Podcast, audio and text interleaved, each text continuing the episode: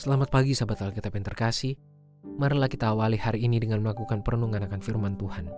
Bacaan Alkitab kita berasal dari kitab Yeremia pasal 31 ayat 31 sampai 34.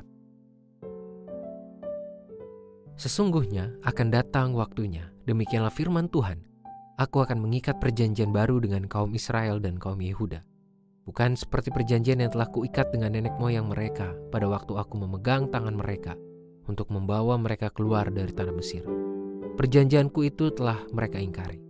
Meskipun aku menjadi tuan atas mereka, demikianlah firman Tuhan. Tetapi beginilah perjanjian yang kuikat dengan kaum Israel sesudah waktu itu. Demikianlah firman Tuhan. Aku akan menaruh Tauratku dalam batin mereka dan menuliskannya pada hati mereka. Aku akan menjadi Allah mereka dan mereka akan menjadi umatku. Tidak perlu lagi orang mengajar sesamanya atau saudaranya dengan mengatakan, Kenalah Tuhan, Sebab mereka semua, besar kecil akan mengenal aku. Demikianlah firman Tuhan. Karena aku akan mengampuni kesalahan mereka dan tidak mengingat lagi dosa-dosa mereka. Sahabat Alkitab, seberapa banyak Anda akan memberikan kesempatan untuk terus berelasi dengan orang yang telah berulang kali melukai perasaan atau mengecewakan Anda? Setiap orang tentu memiliki jawaban yang berbeda, yang juga sangat dipengaruhi oleh bentuk perilaku yang dilakukan oleh si pelaku. Namun besar kemungkinan bagi sebagian orang untuk memilih menjaga jarak dengan orang yang bersangkutan agar tidak kembali mendapatkan perilaku yang menyakitkan. Kemudian, kecil peluang ada individu yang justru memilih untuk semakin berelasi secara intim pasca disakiti. Apalagi ketika tindakan menyakitkan itu sudah dilakukan berulang kali. Firman Tuhan pada hari ini pun menampilkan respon dari satu pihak yang telah berulang kali dikecewakan, dihianati, dan disakiti. Di sepanjang perjalanan sejarah bangsa Israel, khususnya sejak peristiwa pembebasan dari tanah Mesir hingga masa raja-raja Israel Yehuda, umat Tuhan sudah berulang kali melakukan pemberontakan terhadap Tuhan. Namun, berulang kali pula Tuhan memberikan kesempatan bagi mereka untuk memperbaharui perilaku dan kualitas iman kepadanya.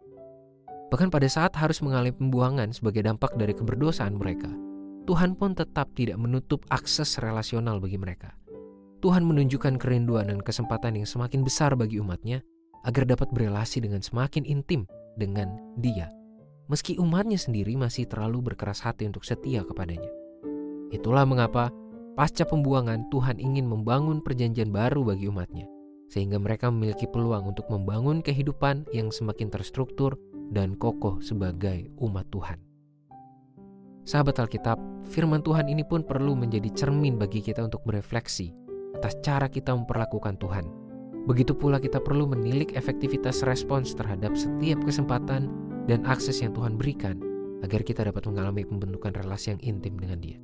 Apakah kita sudah cukup sadar diri dan penuh ketulusan untuk menggunakan setiap kesempatan hidup sebagai umatnya? Atau jangan-jangan kita masih terlalu asik untuk menghadapkan punggung kepada Tuhan? Marilah kita berdoa. Tuhan, firman-Mu pada hari ini telah semakin mengingatkan kami, menyadarkan kami tentang setiap akses kesempatan yang Tuhan berikan bagi kami untuk dapat berelasi dengan Tuhan.